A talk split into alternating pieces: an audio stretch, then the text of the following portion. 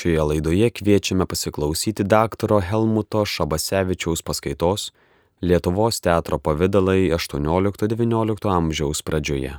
Paskaita skaityta Bažnytinio paveldo muziejuje Vilniuje. Noriu Jums pristatyti daktarę Helmutą Šabasevičių, kurį turbūt ir pažįstate, menotyrininką, kuris papasakos mums apie barokinio teatro apraiškas Lietuvoje 18-19 amžiui, parodos, kuri dabar pas mus vyksta kontekste, Teatrum Biblikum Velykinės preliudijos scenovaizdžiai, kurią dar galite pamatyti iki rūpiučio mėnesio. Labai pareigoja, trikdo šiek tiek aplinka, nes nemaniau, kad teks skaityti bažnyčioj šitokios nuostabios barokinės sakralinės dekoracijos fone. Šiandien tokia ypatinga proga. Na, ačiū už kvietimą šitą paskaitą paskaityti būtent parodos kontekste, nes paroda mums duoda labai daug, suprantant, koks galėjo būti materialusis baroko laikotarpio teatro pavydalas. Ne to teatrum biblikum, kuris yra atskleistas apatinėse parodų salėse, bet to teatro, kurį mėginsiu trumpai jums priminti to teatro, kuris buvo pasklidęs ne vien teatro salėse veikė, bet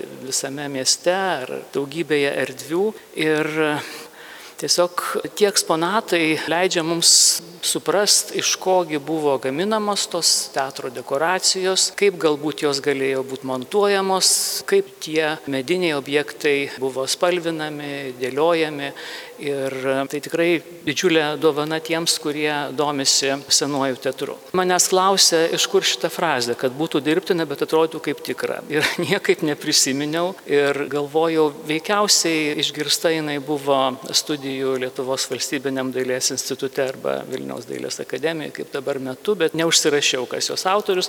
Galvojau, galbūt Irena Vaišvilaitė, kuri mums skaitė baroko laikotarpio kultūrą, jinai jau šito nebeprisiminė, sakė, ne, galbūt, bet, bet ne. Bet man šitą frazę įstrigusi ir aš ją dažnai miniu, nes kartais kalbam apie šito laikotarpio teatrą su Vilniaus dailės akademijos studentais, su Lietuvos muzikos ir teatro akademijos studentais. Tai manau, kad jinai tikrai tinka apibūdinti šito laikotarpio tą pastangą sukurti dirbtiną, bet tikrą įkvepiančią, stulbinančią teatro realybę. Dar iš mūsų instituto studijų laikų buvom antrakursiai, važiavom vėlgi su Irena Vaišvilaitai praktikai plungę, tai irgi išliko asmeniam archyve ta viena figūra iš to teatrum biblikum, bet Asta minėjo, kad tokių yra labai daug ir čia visko negalima buvo sutalpinti į šitą parodą, bet man irgi šitas išvykimas ir ta praktika jinai yra asmeniškai brangi ir taip pat tam tikrą prasme pateisina, kodėl aš taip jau ir ryžausi čia prisidėti prie teatrum biblikum dar kitų rakursų per teatro istorijos ir daugiau teatro vaizdų prizmę. Na, pirmiausiai tai keli žodžiai apie tai, kad mes tikrai baroko laikotarpį 17-18 amžiui to teatro buvom apsupti, tiksliau buvo apsupti tie žmonės, kurie gyveno tuo metu Vilniuje, gyveno Lietuvos didžiosios kunigaikštystės svarbiausiose didžiuosiuose miestuose, todėl kelios pastabos ir keli vaizdai apie tai, kur dar buvo galima tą teatrą išgyventi. Ne teatro scenoje, bet žinoma teatro gatvėse, kai į miestą atvykdavo valdovai, kai į miestą atvykdavo svarbus žmonės, tai miestas pasipuoždavo triumfo vartais, pasipuoždavo žalumynų girlendomis, audeklais ir tuose sutikimo teatriniuose renginiuose dalyvavo daugybė žmonių, kurie buvo ir artistai, buvo ir taip pat žiūrovai ir apie tai jau yra daug rašiusi Vanda Zaborskaitė savo knygoje prie Lietuvos teatro ištakų. Gaila, kad mes kol kas neįsiugdėm tarp mūsų nėra jos pamainos, reikėtų šitą temą toliau tęsti, na, išskyrus gal Lina Balaišytė, kuri irgi jau yra tyrinėjusi tą parateatrinį mūsų kultūros paveldą ir būtent Linos tyrimų dėka labai trumpai primenu tik tai vieną akcentą, tai yra Stanislo Augusto Poniatovskio karūnavimo iškilmes, kurios buvo švenčiamos abiejų tautų Respublikoje, taip pat ir Vilniuje. Ir taip pat čia vėlgi tik aprašymas, dėja tik aprašymas, mes labai taip esam daug ką praradę. Ir tikrai žaviuosi kolegomis sakralinio paveldo specialistais, kurie turi energijos, jėgų, ryšto ieškoti tų prarastų artefaktų artefaktų bažnyčių sandėliukuose, bažnyčių palėpėse, nes dauguma parodos Teatrum Biblikum eksponatų būtent šitaip ir mus pasiekė. Bet dėja nėra ne vieno išlikę teatro, kuris turėtų kažkokią palėpę ar sandėliuką, kur galėtų dar būti kažkokie panašus objektai ar dekoracijos fragmentas ar kostiumo elementas. Tai visa tai, ką mes apie tą teatrą žinom, daugiausiai yra iš literatūros. Bet literatūra taip pat yra iškalbinga ir tikrai skaitydami tuos tekstus įjungia savo vaizduotę vaizduotę tikrai matom, kad Stanislavui Augustui Poniatovskijui rūpėjo abi tautos, abiejų tautų dalyvavimas jo karūnacijos iškilmėse ir šalia triumfo vartų matom ir abiejų tautų Respublikos tas herbinės žymes ir tas toks įrašas gins ir vieną ar kitą rodo, kad tai yra iš tikrųjų abiejų tautų Respublikos valdovas. Ir šitas naratyvas, šitą retoriką persikelia ir į kitas Augusto Poniatovskio veiklos rytis ir Varšuvoje Stanislovo Augusto teatre Lažienkose taip pat matom tą herbą, kurį sutinkam taip pat ir Vilniuje, kurį matom Vilniaus universiteto didžiajame kieme, šalia Stanislavo Augusto Ponetovskio, matom Lenkijos erelį, matom Lietuvos didžiosios kunigaikštystės vyti ir centre tą jautuką jau Stanislavo Augusto Ponetovskio herbą. Be valdovų sutikimų, kurių tikrai čia būtų labai daug ir aš jau patariu jums pasižiūrėti Vando Zaborskaitės knygą, ten tikrai labai daug yra tų faktų pateikta. Tai aš tik tai dar norėčiau paminėti, kad būta ir kitokių švenčių, kuriuose buvo naudojamos gausios teatrinės dekoracijos. Ir tarp tokių stebuklingai išlikusi ikonografinė medžiaga, tai yra dekoracijų projektai. Dekoracijos buvo naudojamos švenčiant, minint karaliaus Jono III karo su turkai šimtmetį ir šitos dekoracijos buvo nupieštos ir išgraviruotos ir įdėtos į leidinį. Ir mes šiandien žinom, kaip atrodė tos monumentalios, triumfališkos detalės, kurios vat, kaip tik ir leido to laikotarpio žmonėms prisiminti, pagerbti tą ypatingai svarbų visai Europai įvykį, tai yra turkų nugalėjimą prie vienos. Ir čia šalia šitoje knygelėje spausdintų kalbų tekstų. Taip pat dar randam ir laikraštė Gazetė Vilenskė labai išsamų aprašymą, kaip atrodė tie kolosai, kokie buvo jų išmatavimai. Čia viskas ten pateikiama pėdomis, bet vat, paskaičiavus vien postamentas, čia buvo 3 metrai 60 cm, o virš postamento dar yra galbūt trečia tiek, tai vėlgi reikia įsivaizduoti, kad šitos dekoracijos, kurios viena kitą keitė spalio 11-12 dieną vyko iškilmės ir vieną dieną buvo viena dekoracija, kita diena kita, tai jos užėmė, na, faktiškai visą ar didžiąją dalį Šventų Jonų bažnyčios erdvės. Na ir štai išdidinus šitas graviūras mes kaip tik ir matom panašius personažus, kokius sutinkam teatrum biblikum. Tai yra va, tos figūros, kurios minimos, tos alegorijos. Čia pirmą dieną buvo Minervos figūra ant tos piramidės formos koloso patalpinta, vėliau ant tokio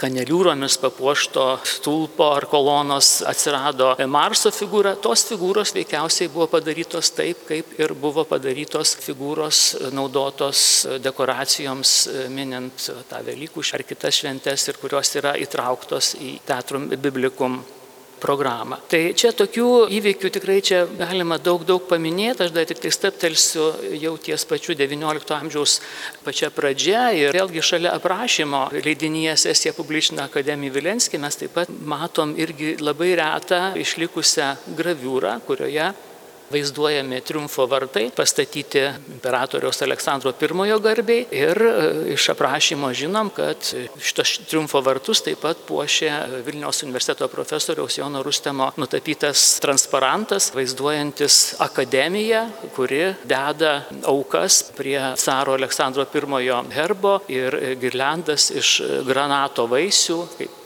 sakoma prašyme, granato vaisių susitelkimo simbolis.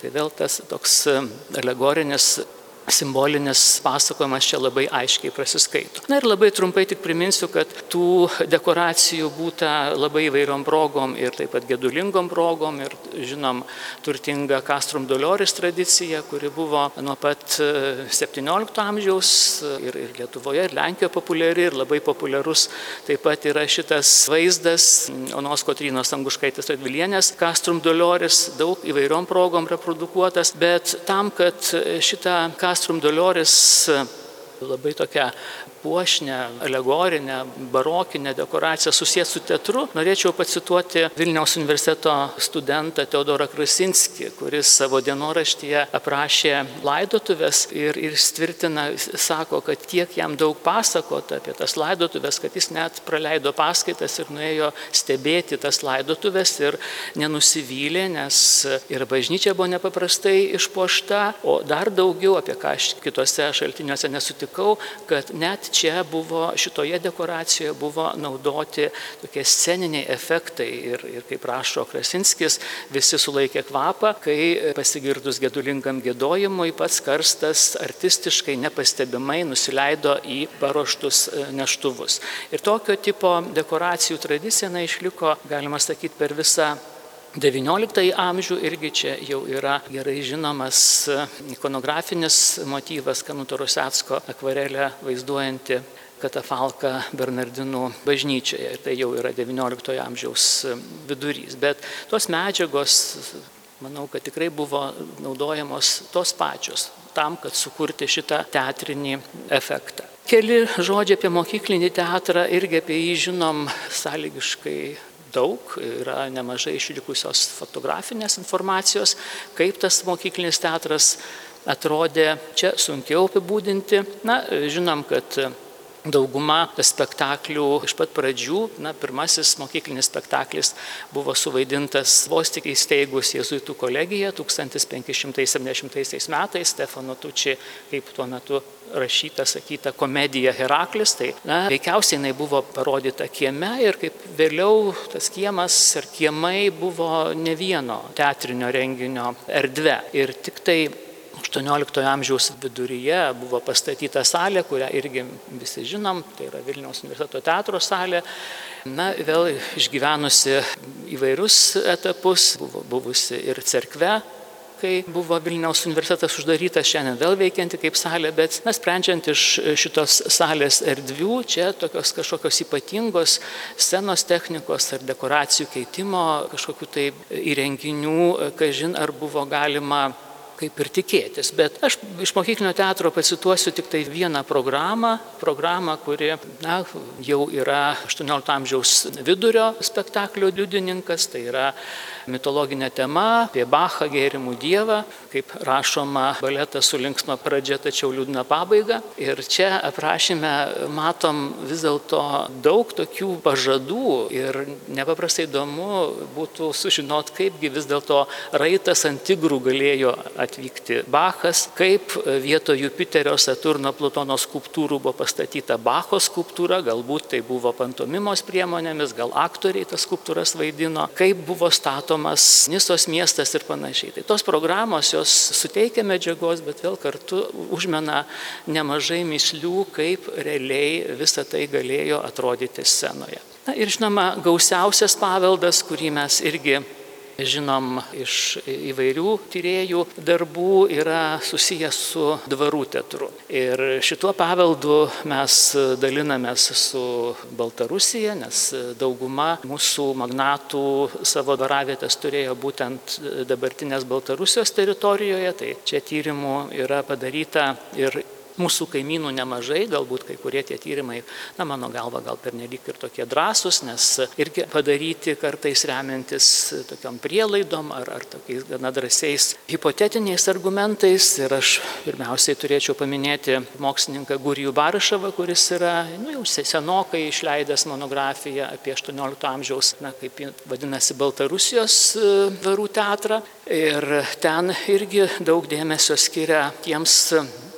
didikams, kurie jautė potraukį teatrui, investavo savo lėšas į, į spektaklius, aišku, juos spektaklius suvokdami kaip tam tikrą ir ugdymo instrumentą savo atžaloms, pramogos tam tikrą formą. Tai žinoma, kad čia yra šitos veiklos lyderė yra Uršulė Pranciška Radvilienė ir jos veikalas komedijos ir tragedijos išleistas po jos mirties. Taip yra irgi toks labai įdomus, bet kartu nemažai ir klausimų keliantis šaltinis. Vieną egzempliorių turi ir mūsų Vrublevskių biblioteka. Tai Radvilienės šitame piesių rinkinyje taip pat pateikiami ne tik piesių tekstai, bet ir graviūros, Mykolo Žukovskio graviūros, kur vėl labai sunku pasakyti, ar tai yra spektaklių vaizdai, ar tai yra iliustracijos tiem seniam veikalam, kaip jos buvo sukurtos, pasižymėjus spektaklių metu kažką, ar tiesiog vėliau prikūrus, sudėliojus tokį apibendrintą barokišką vaizdą. Tai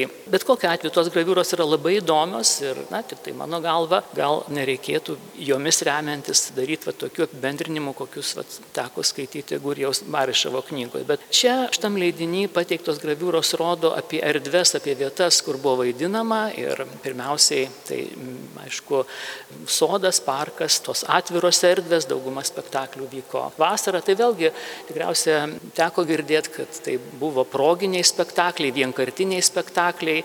Jie buvo rengiami pagerbent vieną ar kitą ar trečią svečią, kuris atvyksta į Radvilų rezidenciją. Ir neteko girdėti, kad jie būtų kada nors dar pakartoti ar tiesiog būtų funkcionavę kaip kažkokio repertuarinio teatro renginiai. Tai, sakykime, vat, vienas pats pirmasis minimas spektaklis Gudri meilė, iš tos graviūros irgi jau galim spręsti, kad jis vyko atvirame ore. Bet netrukus buvo pastatytas vadinamasis Comedy House'as, tai yra, kiek man žinoma, pirmasis stacionarus teatro pastatas Lietuvos didžiojo kunigaikštystėje. Ir vėlgi remianti šaltiniais manoma, kad čia buvo ir gana toks dinamiškas apšvietimas, pakeliama scena, keičiamos dekoracijos, mašinos.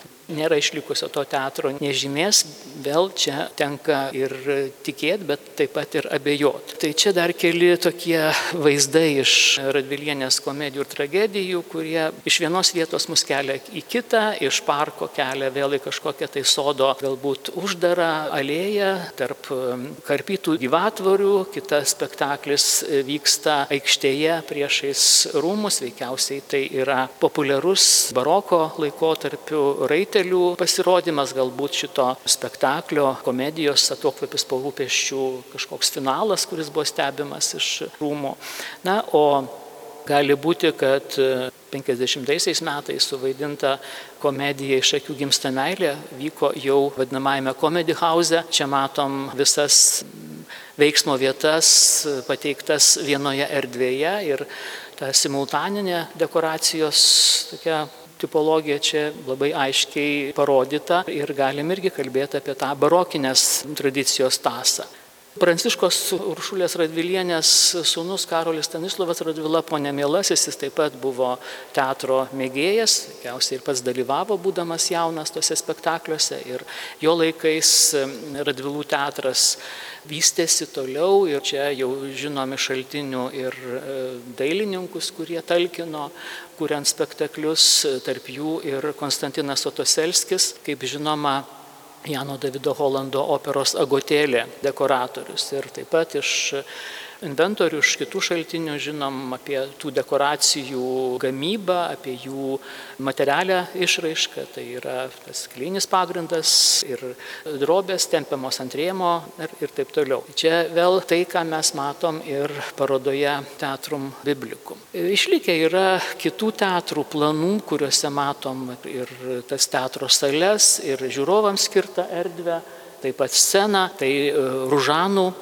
teatras taip pat sapiegų valdomas ir, ir prižiūrimas, taip pat Derečino teatras irgi išlikęs brėžinys su teatro scena, veikiausiai tokia stacionare galbūt e, dekoracija. Čia irgi žinoma, kad Konstantinas Otoselskis šitam teatrui nutapė uždangą, kuri vaizdavo besimaudančią Dianą ir vėliau šitą uždangą įgyjo Vilniaus miesto teatras jau persikėlęs į spėjama Radvilų rūmus. Tai norint labiau pajustą mūsų teatro materialinį pavydalą, be teatro biblikum eksponatų padeda ir ta lyginamoji medžiaga ir, ir niekad neteko būti labai svajoju nuvykti į Českį Krumlov, į miestelį, kuriame iki šiol yra išlikęs ir naujam gyvenimui prikeltas Egenbergo teatras, kuris tiek savo planu, tiek savo, na, man iš nuotraukų pažįstama išvaizda, jis tikriausiai suteikia informacijos, kaip galėjo atrodyti sapiegų,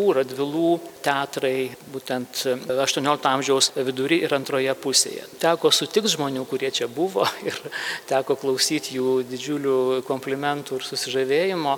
Tikrai teatras pasižymė tokia turtinga senųjų dekoracijų, senųjų kostiumų kolekcija, senųjų scenos įrangos elementų kolekcija.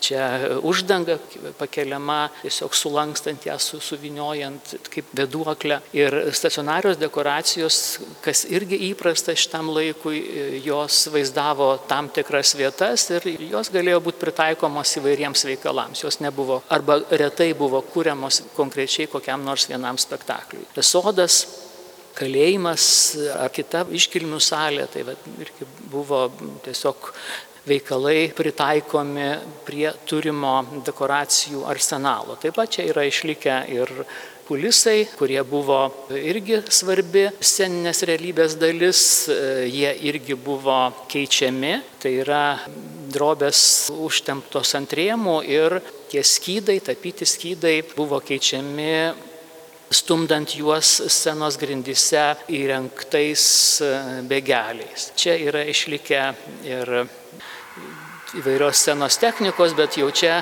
šitais garsais nebenustebinsi mūsų, mes jau turim irgi pasidarę kopijų ir yra tokių vėjo mašinų ir teatro muzikos ir kino muziejuje, nes irgi jau čia prieš kurį laiką minint pirmąją operą, Elenos pagrobimas irgi buvo sukurta tokia didelė galimo karališko teatro maketinė versija, tai taip pat buvo pagaminti ir šitie įrenginiai. Na ir dar vat, vėlgi tos kontūriniai objektai, butaforija, vėl labai panašu, ką mes matom ir parodoje Teatrum Biblikum. Na čia, kaip įminėjau, ir, ir kostiumų yra išlikę vienas kitas, tai vėl reti eksponatai priartinantis irgi prie mūsų tą 18 amžiaus vidurio teatro tikrovę. Na ir kaip tik ir matosi, kaip tos dekoracijos keičiasi, kaip jos juda ir kaip kyla viena uždanga, kaip susikeičia kulisai, yra e, išlikę YouTube įrašyta šitų vat spektaklių, tai jeigu kam reikėtų tos lyginamosios medžiagos, tai tikrai galima drąsiai rasti. Dar tik tai priminsiu, kad gana gerai yra išlikęs Antano Tinakauzo teatras Gardinė, jis netaip seniai buvo renovuotas, čia veikia Lėlių teatras. Na ir dar vieną paminėsiu magnatą, kuris garsėjo savo aistra menui, teatrui, Slonime, kurį valdė, buvo netgi įkūręs tokią vadinamąją mūzų sodybą, tai yra Mykolas Kazimieras Oginskis ir jo teatrinė veikla net užrašyta juodon balto skamba labai ekstravagantiškai. Teatras ant šešių ratų, plaukiojantis teatras, tai na, tikrai labai tokios barokinės teatro formos, rodančios ir jo tokias ambicijas, norą tą teatrinę kultūrą panaudoti savo paties reprezentacijai ir savo svečių stulbinimui. Ir iš tikrųjų apstulbinti buvo ne vienas Mykolo Kazimiero Oginskio bičiulis ar svečias ir Juliano Ursino Nemsevičiaus dienoraštyje ar prisiminimuose skaitom irgi apie vieną iš spektaklių. Vėl skaitydamas čia tą citatą radau, bet nustebau, kad visiškai nepaminėta nei koks veikalas, nei kas toliau. Paminėtas tik tas teatrinis toks kuriozas, kai pasibaidęs žirgas numetė italų dainininką Kastratą, kuris dainavo šitoje operoje. Bet visa kita smulkmenos autorystė ar meninė įspūdžiai čia jau Nemsevičiaus dienoraštyje nebetrado vietos. Bet irgi čia jau nekarta šitą cituoju Memsevičiaus fragmentą ir taip pat vis primenu filmą Farinelį, kuris vėlgi su mumis niekaip nesusijęs, bet šito filmo fragmentai leidžia patikėti, kad šito laikotarpio teatras buvo nepaprastai efektingas, vizualus ir stulbinantis. Tai čia tiesiog gal kelios minutės įrašo, kuris galbūt sudomins jūs ir šitą filmą dar sėki peržiūrėt, kas nematė, nes tai yra tas pats laikas, žinoma, tai yra 20-ojo amžiaus pabaigos jau kinematografininkų išmonė, bet būtent tas laikas, apie kurį mes kalbam, tai yra 18 amžiaus vidurys, antra pusė, ta labai turtingo ir Lietuvos didžioje kunigaikštystėje teatrinio tokio gyvenimo atkarpa. Tai tikrai čia tiek kitos besikeičiančios dekoracijos, tiek pasirodysantis Farinelį, daininkas Kastratas ant žirgo, kažkaip surezonuoja su Nemcevičiaus pateiktais e, liudijimais. O antroji dalyje irgi matyti tie scenos technikos triukai, e, su kuriais e, kuriama banguojančios jūros iliuzija ar na, kitos tokios vizualinės prašmatnybės. Taip pat e, liudijimų apie Mykolo Kazimiero Oginskio teatrą yra palikęs ir aktorius Kazimieras Skibinskis, kuris irgi pateikė informacijos apie tą didžiulę sceną, apie tai, kad e, čia galėjo e, sceną tikrų vandenių įplaukti laivai, e, galėjo atsidaryti didžiuliai vartai, pro kuriuos galėjo išžygiuoti kavalerija, kaip rašo Skibinskis, panašiai kaip vienos teatre. Prie Mykolo Kazimiero Oginskio teatro įsivaizdavimo prisideda ir Lietuvoje saugomi dokumentai, archyviniai šaltiniai ir tai yra tikrai mano požiūriu unikalus ranka rašytas libretas, spektaklio baleto moterų filosofija libretas, kuris pateikia labai išsame scenovaizdžio remarkę kas vaizduojama scenoje. Ir iš to prašymo irgi sprendžiam, kad e, šitame veikale taip pat buvo naudojama simultanė dekoracija, nes visos veiksmo vietos buvo pateiktos vienoje erdvėje ir reikalui esant aktoriai nuo vienos vietos pereidami prie kitos parodydavo ir tą veiksmo pasikeitimą. Na, o pabaigoje čia irgi įdomi tokia detalė. Rašoma, kad Kupidonui paleidus strėlę, teatras pasikeičia, reiškia, keičiasi dekoracijos ir dar daugiau, keičiasi ne tik dekoracijos, bet ir kostiumai, nes,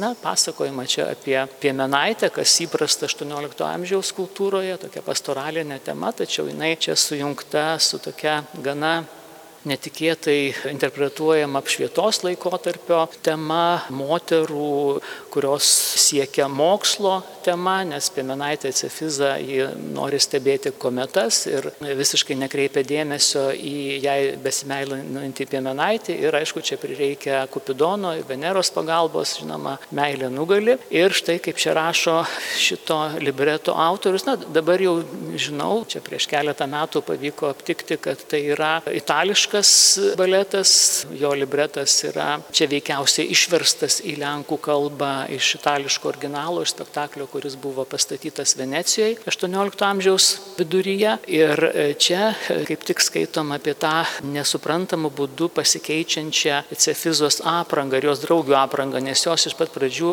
pasirodo juodais drabužiais, nesugarbiniuotos, kaip rašoma librete, nepasipuošusios ar nekreipiančios dėmesio į savo išvaizdą. Ir šitas aprašymas irgi jau čia kelis kartus esu apie tai kalbėjęs, bet netikėtai man priminė vieną spektaklio įrašą, kuris rodo, kad tie barokiniai triukai, barokinės techninės priemonės, jos buvo naudojamos vėliau ir netgi XIX amžiui. Ir štai šitame fragmente, tai yra baleto Neapolis e, fragmentas, kaip tik ir matom vienoje vietoje tą nesuprantamų būdų pasikeičiančio kostiumo, tą triuką. Nes čia pasakom apie merginą, kuri nuskendo, pavirto undinę, čia jinai kaip ir kitos merginos yra su undinės drabužiais, bet aišku, kad jos mylimasis nusileidžia į gelmes ir ją išvaduoja, įteikia ten kokį tai talismaną ir štai jinai po maldų jinai praranda tą savo undinišką tapatybę ir atvirsta žemiška mergina. Tai čia tiesiog va, tas metamorfozės aspektas, kuris užfiksuotas 18 amžiaus pabaigos librete, jis e, po 50 metų irgi visiškai visą teisiškai funkcionuoja ir visiškai kitos jau stilistinės, estetinės sistemos teatre. Na ir dar pabaigai apie dvarų teatrą pasakysiu, vėl priminsiu žinomą faktą, kad teatro salė buvo ir pagrindiniuose verkių rūmose, yra Žinoma, kad Laurinas Gucevičius, žinoma, Salskio prašymu rūpinosi čia šitoj teatro saliai vaidinamo spektaklio Figaro vedybos dekoracijų montavimo. Ar tai buvo Bomaršė komedija, ar tai buvo kokia nors opera, sunku pasakyti, nes šita tema spektaklių 18 amžiui buvo operų sukurta ne viena.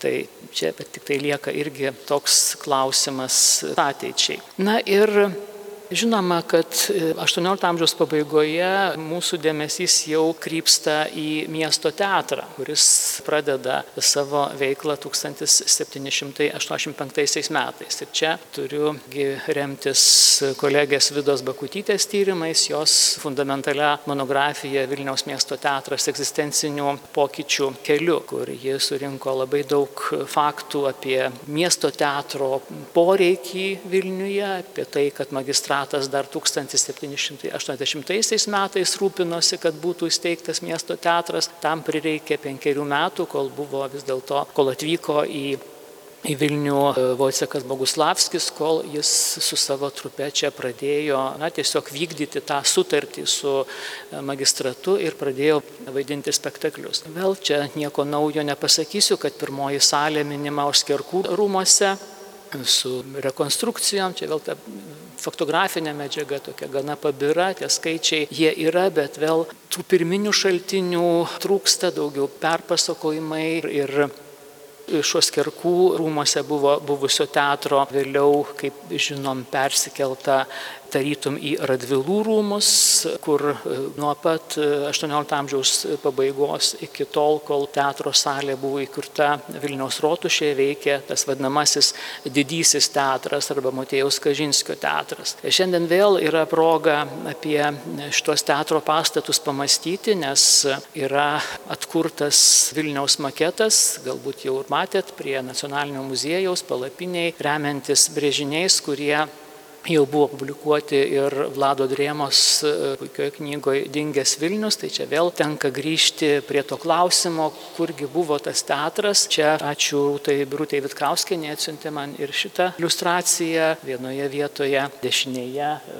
Oskerkų rūmai, kairėje didesnė Radvilų rūmai, kur galėjo būti ta teatro salė, kurią štai šitaip vaizdžiai aprašo Gabrielė Günterytė Puzinienė. Salė, kuri, kaip jinai sako, buvo du kartus didesnė už šiandieninį, tai yra jos rašymo metu veikusi teatrą rotušėje du kartus didesnė. Scena tokia erdvi, kaip jį rašo, kad ne tik ketaus arklys galėjo kilti į debesis, bet taip pat Mazanielas, vienas iš herojų, ant gyvo žirgo joti į sceną na, man žvelgiant į šitos pastatus, kaip neįstalpina ta didžiulė teatrinė erdvė, galbūt, galvoju, tai galėjo būti kažkoks dar atskiras medinis pastatas ar dar kažkas, tai vėl klausimų daugiau negu kad norėtume. Na ir žinoma, kad e, su Vojceku Boguslavskiu čia jau mes vėl jau galim kalbėti apie asmenybės, apie aktorius, kurie buvo jo trupė, bet taip pat apie dailininkus, kurie padėjo Boguslavskiui